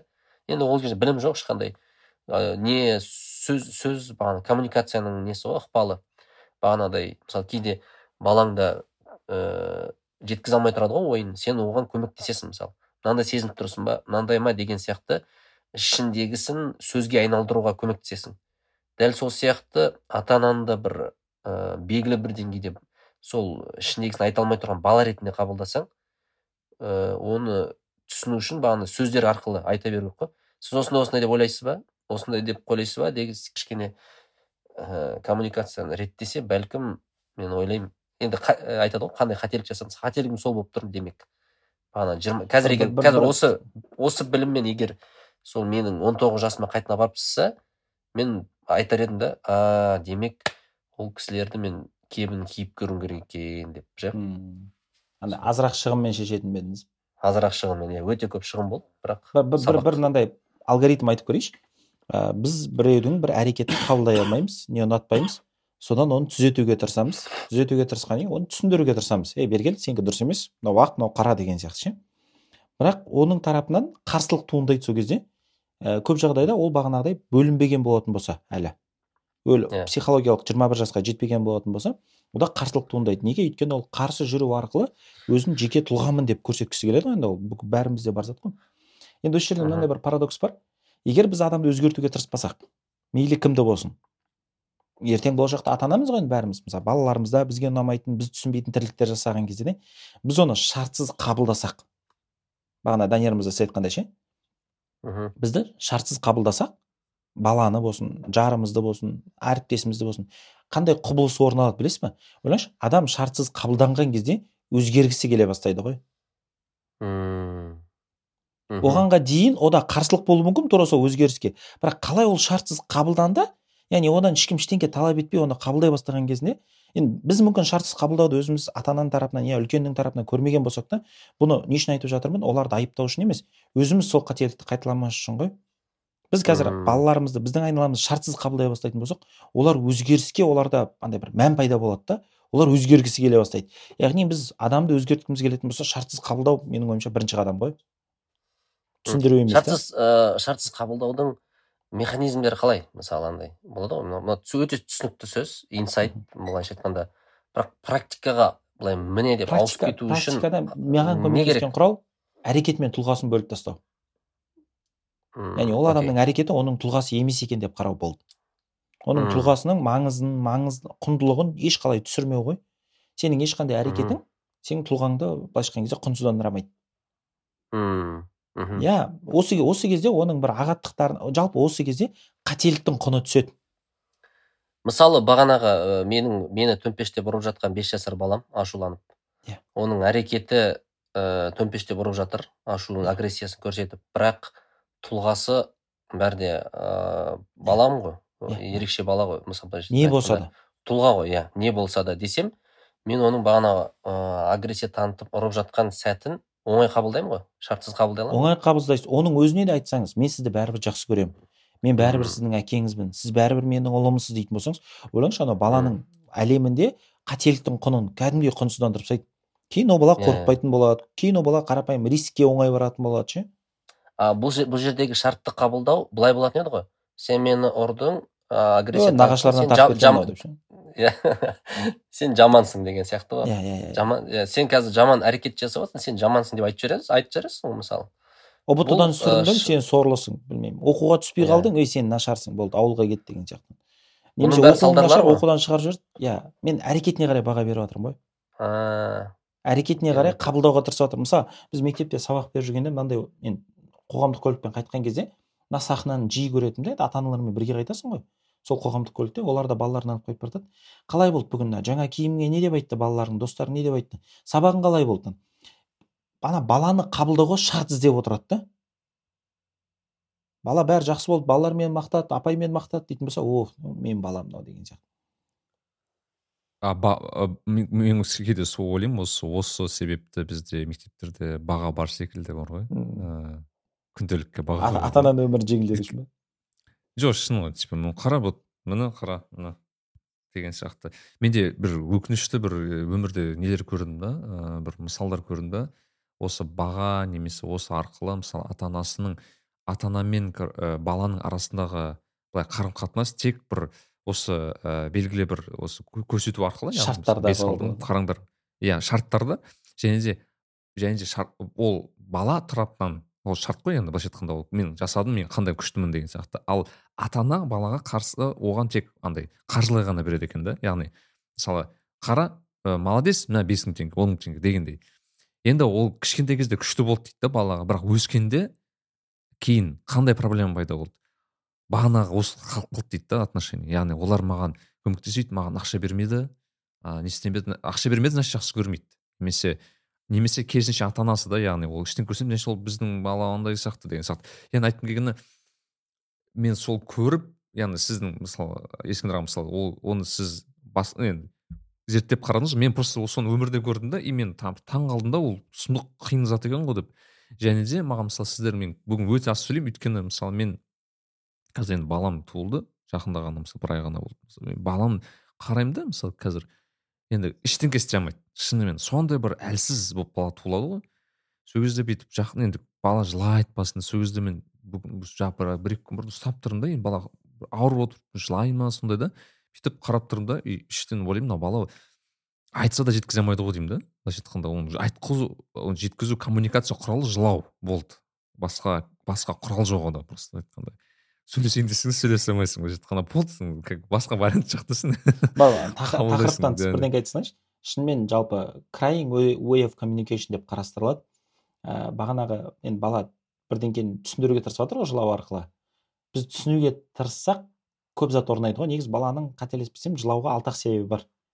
Ә, присила данстон деген кісінің кітабы бар бэби language деген. Бір қарап көрсеңіз ол кісінің опра уинфридағы шоуы да бар. Бір қарап көрсеңіз баланың жылауын декодтап береді ғой. Ана кісі былай жыласа мынаны білдіреді былай жыласа мынаны білдіреді деген сияқты. Яғни түсінуге ұмтылудың бір бір дәлелі ретінде одан бөлек сізге нәке кеңес ретінде қолданбалы. Ол ол кітапта жазылған ғой. Мен жақында бір ә, видео көрдім. Ыыы алты түрлі алты түрлі дедіңіз ғой. Алты түрлі деп ана еще пародист екен ана кісі.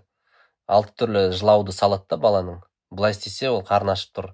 Былай істесе ол құшақтауды қалап тұр деген сияқты. тұр деген сияқты. Иә ол үлкен кітапты оқымай ақ бір бес төрт төрт бес минут видеоны көріп алса да болады деп жеңілдетіп ана ненікін опра уинфридағы шоуын көретін болсаңызшы ол да қызық сондай бір он он бес минут ақ бірақ андай мен вау эффект мынау әңгімеден бағанағы машинасын соғып алған баланың не үшін ата анасына хабарласпайтынын енді былай түсіндіріп көруге тырыс тырыс тырысқым келіп тұр. Яғни ол яғни ә, ойлап тұр ғой мен бір дұрыс емес қате жасадым. Мені ата анам қабылдамайды деген сияқты ойлап тұр ғой енді. Тамаша тамаша. Шарт шартты қабылданғандықтың ә, салдары ғой бұл. Иә иә иә.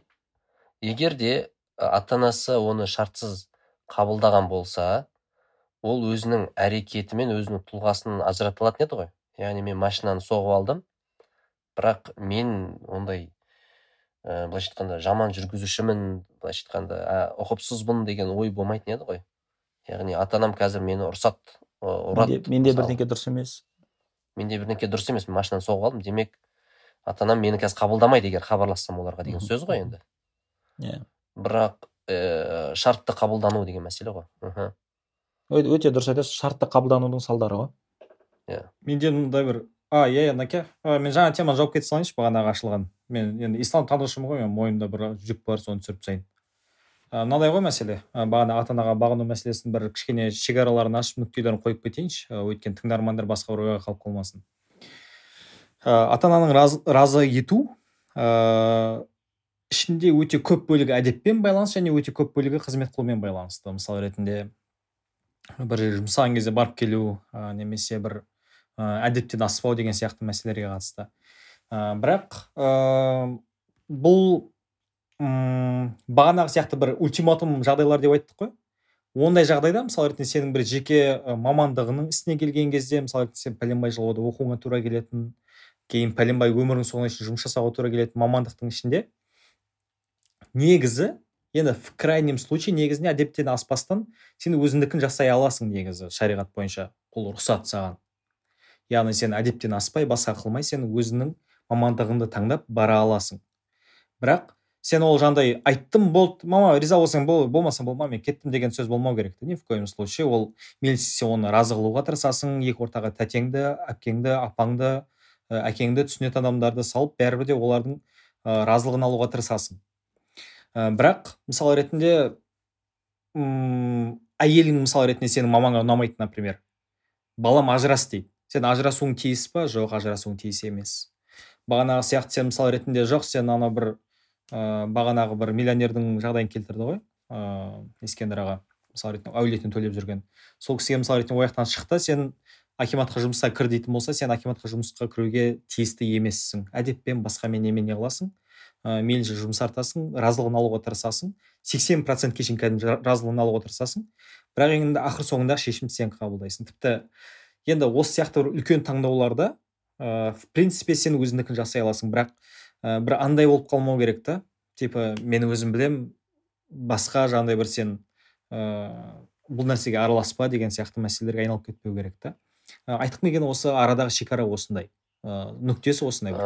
Ашып кете былайша айтқанда бұл жерде тек қана не болып тұр ғой да әбеке ә, формасы ғана әртүрлі болып тұр ғой. Нәтижесі бір ғой бағынбау ғой. Нәтижесі бағынбау ғой енді бұл жерде иә енді сен бағынуың міндетті емес деп айта аламын. Иә. Бірақ ол деген сөз сен нәтижесі бөліну шығар бөліну? Нәтижесі бөлек болу. Жоқ мына ситуацияда мысалы ата анаға бағанағы біз бір жиырма бір жасқа дейінгі деп психология жасты қарасақ ә, яғни ә, ол бағынбау кезеңінде жүр ғой мысалы үшін. Енді бағынбау деген сөз бір ә, ауыр естілуі мүмкін бірақ нәтижесі нәти- исла- исламнан бізден талап етіліп тұрған нәрсе форма болып тұр ғой. Процесс яғни мына келіссөздегі ә, әдепсіздік дөрекілікке бармай бірақ нәтиже ретінде бәрі де өз дегеніңді жасау деген болып тұр ғой сонда түсіну бойынша. Ә, жасауға рұқсат деп айтайықшы егер де үлкен шешімдерге келген кезде деп айтайыншы. Өйткені ол мен мынандай бір сөз бар ә, егер де ғалымдар макрух жасайтын болса ә, жамағат харам жасайды егер де ә, ғалымдар ә, үлкен күнә жасайтын болса макрухтар жасайтын болса онда жамағат күпірге түседі деген сөз бар. Яғни біз шекара бекітіп пәтуа берген уақыттарда ә, осы нәрсені ескеруіміз керек та. Яғни біз мысал ретінде қазір саған үлкен шешімдер келген кезде немесе жеке мүддеңе келген кезде сен ата анаға бағынбауыңа болады деп айтатын болсақ ол қандай формада жүзеге асатындығы ә, бізге белгісіз. Және де менің ойымша ол өте жақсы емес формаларда жүзеге асатын сияқты да. Осы бір мәселелер. Ал былай ә, ақыр соңына келген уақытта сен өз шешімдеріңді қабылдай аласың ба? Принципе иә ж- және бұл жерде мен ойымша мынандай бір манипуляция деген нәрсені де болуы мүмкін ғой. Мысалы мен саған ра- разы болмаймын егер сен қазір былай істемесең деген сияқты. Сонда ара жігін ажырата білу керек сияқты. Яғни манипуляция нәрсесі басқа бір қырынан тол- толықтырып көрсем бола ма? Мен жеке өзім бір ұстанатын андай әмбебап ереже бар. Менеджменттен келген ереже. Нәтиже алғың келе ма дұрыс затты дұрыс істе.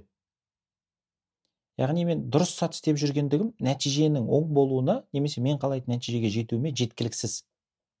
Мен сол дұрыс затты тағы дұрыс істеуім керек қой екеуі елу пайыз деп алсақ та болады да. Қарапайым қандай мысал келтіріп көрсек болады. Мысалы кітап оқу дұрыс зат па? Бірақ мен сол кітапты дұрыс емес оқып жүрсем қараңғы бөлмеде немесе өзіме керек емес тақырыпта онда нәтиже болмайды. Тура сол сияқты спортпен айналысу дұрыс зат бірақ мен оны дұрыс емес істейтін болсам одан мен денсаулығыма пайдасы емес зияны көбірек болуы мүмкін да. Мысал ретінде түсінікті болу үшін марафонды джинсимен я туфлимен жүгіріп жүрсем. Иә дұрыс зат бірақ мен дұрыс емес деп жатырмын да. Бағанағы біздің дін тақырыбында не кез келген тақырыпта ата анамызбен келіспеушілік сол марафонды джинсимен жүгіріп жүрген адам сияқтымыз біз ше? Мен өз өзім көкірегімді ағам мен дұрыс зат істеп жатырмын ғой марафон жүгіріп жатырмын ғой деп ше? Бірақ мен оны дұрыс емес істеп жатырмын да. Мысалы қарапайым коммуни... коммуникацияның ережесін салатын болсақ мынандай ұғым бар да. Гигиена деңгейінде істеліну керек екі ақ әрекет бар екен да. Біріншісі ақпараттандыру екіншісі араластыру. Яғни информировать и информировать и вовлекать дейді да. Яғни мен мысалы қараңыз мен бағана мысалы әбекеңнің мысалында айтатын болсақ мен сол діни салаға кететіндігімде немесе бір мамандыққа кететіндігімде бизнес бастайтындығымда ол менде аяқ астынан пайда болған жоқ қой ол шешім. Ол менің ұзақ уақыт ішімде пісті мен бір кино көрдім ба мен біреулермен араластым ба біреулерден көрдім ба ұнаттым ба сол процестің бәрін ақпараттандырып отыру ғой әке шешеммен әке шешем мынандай болып жатыр мен мынаны көрдім деп ше сіз не ойлайсыз деп ол кісіні араластырып отыру ол кісілердің пікірлерін білдіріп отыру.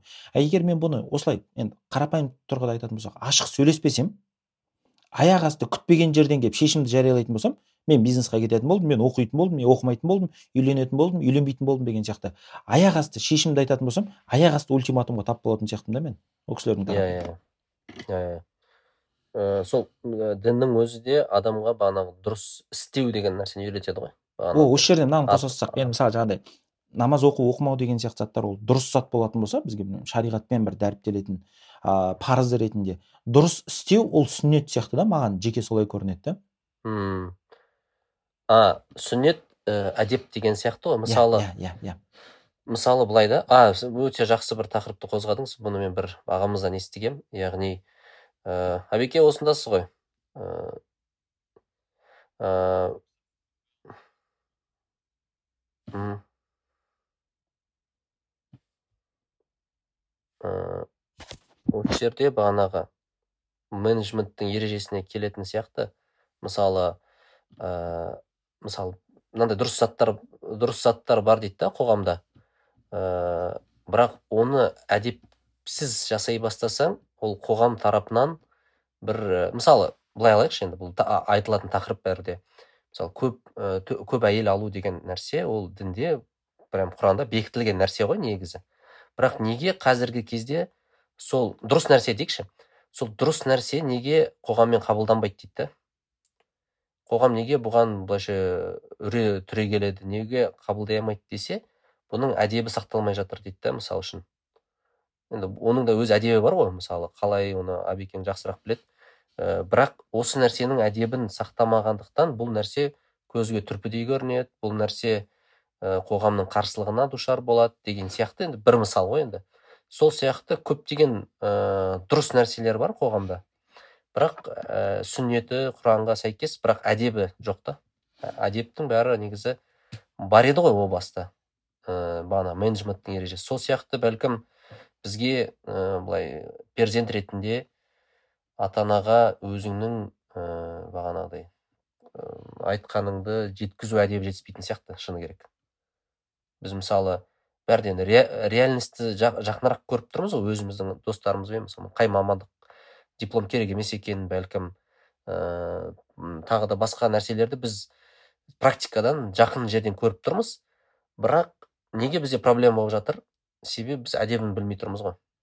Қалай жеткізу керек? Сіз айтқандікі де мысалы ақпараттандыру араластыру ә, соны бір деген нәрселер әдепке жататын сияқты да осыны бір әдептер ғой енді. Қалай істеу керек екен? Ә, бәлкім бізге біз өзімізді дұрыс деп көкірегімізді ұра бермей соны дұрыс істеу деген жаққа қарай көбірек көңіл бөлуіміз керек шығар деген бір ой болып тұр. Сондай бір меніңше бағана осы бағана ұстап отырмын бірақ мынандай сұрақ пайда болды қазір ыыы осыны тыңдап осы подкастты тыңдап отқан тыңдарман ретін, ретінде деп айтайыншы. Мысалы сол адамның көзқарасымен біз бағана шартсыз қабылдау шартсыз ата ананың шартсыз қабылдау маңызды деп бір жақсы зат талқыладық та осы жерде осы тұрғыда. Енді осыны бір біздің тыңдарман тыңдап отыр қазір и ол ойлайды мені ол и ол түсінеді. Менің ата анам мені шартты түрде қабылдайды шартсыз қабылдамай жатыр деп. Ол не істеу керек сіздердің ойларыңыз. Яғни мысалы мен түсініп отырмын ата анам менің ондай қабылдай алмай жатыр әлі. Бағанағы қарсылықтар жүріп жатыр. Сұрақ күшті сұрақ мынандай Ме- сұрақ. Неге мені шартты қабылдап жатыр ата анам сол сұрақтан бастау керек па сіз жауап беріп көріңізші. Неге ата анам мені шартты қабылдап жатыр аха. Өзінің Ö, кейсі өйткені ондай мысалды мен бірінші көрсетуім керек деп айтқыңыз келіп жатыр ау деймін ескендір аға солай ма жоқ жоқ ана сұраққа жауап беру керек. Неге ол иә күшті идея. Неге ол мені шартты қабылдап жатыр ата анам мені неге шартты қабылдап жатыр мен менің жауабым себебі ол өзі шартты қабылданған ғой кезінде. Тамаша Ә, отыр бес дейтіндей болып тұр екен.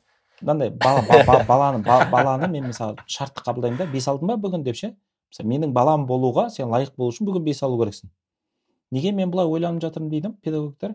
Өйткені мен өзімді шартты қабылдап тұрмын ғой. Менің балам бес алса мен жақсы әкемін ғой. Яғни мен өзімді әлі шартсыз қабылдап үйренбегенмін. Неге? Өйткені мені әлі ешкім шартсыз қабылдамаған ғой. Шартсыз қараңызшы шартты қабылдаудың бір сабақтастығы байланысып келе жатыр. Үзілмей иә. Осыны үзу біздің біз- қолымызда құрметті иә жастар. біздің жауапкершілігімізде ғой жастар ретінде ә, саналы ұрпақ ретінде біздің жауапкершілігімізде. Егер сіз ата анаңызды яғни ол ата ананың тарапынан ғана жүреді деген сөз емес мен бала ретінде ата ананы шартсыз қабылдай бастасам оның кезінде істеген әрекетіне қарамастан ол шартсыз өмірінде бірінші рет қабылданады ойлаңызшы. Сіз мысалы жиырма отыз жасыңызда шартсыз қабылдаумен танысып жатсаңыз ол кісі елу алпыс жасында танысуы мүмкін. Ол кісіге оның әсері мүлдем бөлек болады. Сіз ата анаңызды осы әрекетіңізбен жылатып алуыңыз мүмкін. Олар өмірінде көрмеген қарым қатынасты сезінуі мүмкін да сол кезде. Яғни шартсыз қабылдауға ұмтылу ғой қалай болғанда да. Өзімді өзгені айналам. Бұл жерде сол ана- аналогоритмға келетін сияқтымыз. Өзімді шартсыз қабылдасам өзгені шартсыз қабылдау жеңіл болады. Кімді сөйтіп анау тізбекті тізбекті үземіз. Иә. және о баста біздің көтерген проблемамыз мені түсінбейді деген проблема шешілейін деп тұр ғой енді құдай иә қаласа. иә иә иә иә. Негізгі шешім осы жерде деп ойлаймын. Әдемі бір түйін болып келе жатқан сияқты иә м- мына подкаст маған ана не телеграмдағы топтың атауын ақтағандай сезім болды. Дұрыс қой. Мына мына әдемі жерінде аяқтау керек сияқты мына бір ана дәмі дәмі бір. Иә. Тәтті Ә, кезінде. біздің жер, тәтті кезінде. ә, біз біз біздің телеграмдағы группамыздың аты мастер майнд яғни бізде бір керемет мастер майнд мастер майнд болды деп ойлаймын. Иә өте күшті қысқаша инс- инсайттар болды деп ойлаймын. Иә. Жоқ өте күшті шын айтайын мен өте жақсы тақырып иә менде керемет инсайттар алдым та- алла разы болсын. қолдаңыздар. Өйткені расымен қабылдану мен шын айтайын мен мен мен бүгінгі әсерімді мен бұл тақырыпта бұрын ә, бір жақты қабылдайды екенмін. Яғни олар мені қабылдамай жатыр деп. Деп мына жағын қарамаған екенмін да. Мына жағы да бар ғой деп ол сұрақтың басқа да қыры бар ғой. Кубик кубик кубиктерді басқа жағынан көре бастадым. Яғни диалогта екі адам ғой бір адам емес. Мына жақта да қарау керек қой сен деген сияқты. И ә, өте керемет ә, түсінік және де мысалы мен ана түсін өз орынды қою деген де бір өте керемет ә, не ғой негізі ә, бір қабілет қой. Басқа өзіңді басқа адамға қоя алу деген секілді бізде мысалы жұмыста менеджментте қатты қатты соны үйретеді да. Былайша айтқанда сен де ойланып көр кімге жазып жатрсың тағы басқа тағы басқа. Және де просто ойда тұр қазір. Мысалы анау нені ә, адамдарда кішкентай балаларда не аты аутизм бар ғой. Соны аутизмнің ә, анықтаудың бір жолы былай екен да балаға айтып көреді екен сен ана кімді ұрдың ғой бірақ сен сен оның көзімен қарап көрші деп сұрақ қояды екен да. Яғни сен балаға басқа адамның көзқарасын ә, қарап көрші деп сұрақ қояды екен да егер ол қабылдай алмаса ол бала аутизммен ауырады екен. Негізі сондай көбінесе сондай түсінік бар екен. Яғни аутизм аутизммен ауыратын бала адам жалпы. Ол басқа адамның былайша айтқанда эмпатиясын қабылдай алмайды былайша айтқанда оның көзқарасын қабылдай алмайтын адамдардың сол ауру, ол аурудың түрі екен негізі. М. сондай да? Мен ә, ол со- соншалықты маңызды. мхм. мен үшін бүгінгі ә, әңгімедегі түйін практикалық кеңес. Ол енді біз бәрі де естіп, тұр- естіп жүрген сөз болды бар бо- сөз ғой енді шартсыз қабылда шартсыз қабылда. Бірақ шартсыз қабылдаудың механизмін практикалық жағын біліп алдым. Ол адамды әрекеті мен ә, болмысын екі түрлі қараған кезде сен шартсыз қабылдай аласың. Енді өйткені сұрақ туады ғой мысалы шартсыз қабылда деген қалай ол деген жауап осы екен. Әрекеті мен болмысын ә, екі бөліп қарасаң бітті сен оны шартсыз қабылдайсың. Шартсыз қабылдасаң екінші тарап өзінің қабылданғанын сезінеді өзінің естілгенін сезеді. Сөйтіп саған қарай жүре бастайды сені түсіне бастайды сені ести бастайды. Сонымен мені түсінбеймін деген проблема болмайды деп ойлаймын мен сондай түйін өзім үшін. Иә. Мен бір ә, шариғат маманы ретінде бір нүкте қойып кете салайыншы. Ә, бағанағы мен байланысым үзіліп қалды тек ортада айтып дамытып жатқан бір ойым бар еді негізі. Ә, бағана мамандық таңдаған уақытта сен бәрібір де басқа қалаға шығасың ғой. Сол уақытта егер де сен қыз бала болатын болсаң сенің шектеулерің бар. Ә, демек мысал ретінде әкеңнің рұқсатынсыз немесе ол жерде туысқаны жоқ жерге деген сияқты ә, сен алыс сапарға егер де әсіресе қауіпті болатын болса өз бетіңмен шығуың мәселесі сәл қиындау.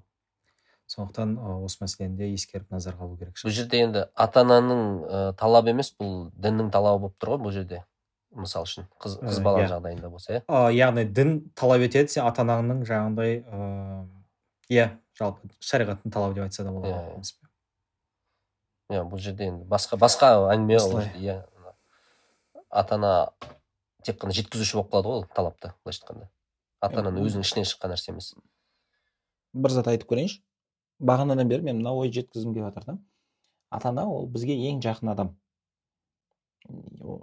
Қазір қарым қатынас құра алмағандығымыздың себебінен ол ең алыс адам сияқты болып кетуі мүмкін. Жаңағы мен проблемаға шалдыққанда ең соңғы есту керек адам сияқты болып кетуі мүмкін. Бірақ біз осы бір құбылысты бұзуымыз керек қой. Ол біздің жауапкершілігімізде деп білемін. Және қалай бұзамыз? Түсіндіру тыңдату арқылы емес түсіну тыңдау арқылы ғой сол кезде біз бағана қарым қатынасты қайта қалпына келтіре аламыз да. Ә, мен о- осы бір зат жеткізгім келіп тұр да ата ана бізге ең жақын ең жанашыр адам. Иә ол мүмкін ол жанашырлығын қамқорлығын дұрыс жеткізе алмаған шығар. Бірақ оны дұрыс жеткізуіне жаңағы қарым қатынас құратын көпір керек та. Сол көпірді құру біздің міндетіміз біздің жауапкершілігіміз ғой. Мейлі осыған шейін не болған болса да. Иә. Мен жүз пайыз қолдаймын тіпті. Құран кәрімде де осы нәрсені айтады. Сен ата анаңа жаңағы мейірімділік қанаттарын жай деп яғни ол ата анаға айтып тұрған жоқ сен балаңа мейірімділік қанатын жай деп ше. Бұл жерде жаңағыдай белсенді позицияға баланы қойып тұр да именно. әдемі әдемі. Сондықтан баланың именно бір есейген уақыттағы рөлі арта түседі белсенді позиция деген күшті сөз кетті да мына жерде. Жақсы түйін болды. Жақсы. Иә а, тыңдармандарға көп рахмет. Э, ең бірінші ә, сіздерге рахмет. Ә, ең әуелі осы алла тағала осы нәсіп етіп енді менің ойымша өте күшті талқылау болды. Ә, иә бізді егер ұнатсаңыздар ә, бұйырса ә, осы подкасттың ә, шығарылу кезеңінде сіздер осы подкастты достарыңызға жіберіп ә, әлеуметтік желілерде бөлісіп тағы басқа осы әрекеттер жасауға үгіттеймін. Ал ағалар сіздерге көп рахмет. А, тыңдармандарға күндері күн жақсы. А, сау саламатта болыңыздар. Ә, күндеріңіз жақсы өтсін. Ата анамызбен ата анамызбен қарым қатынасымыз жақсая түсе берсін. Ата анаңызға бір хабарласып қойыңыз подкасттан кейін десеңші. Yeah. Yeah. yeah. yeah.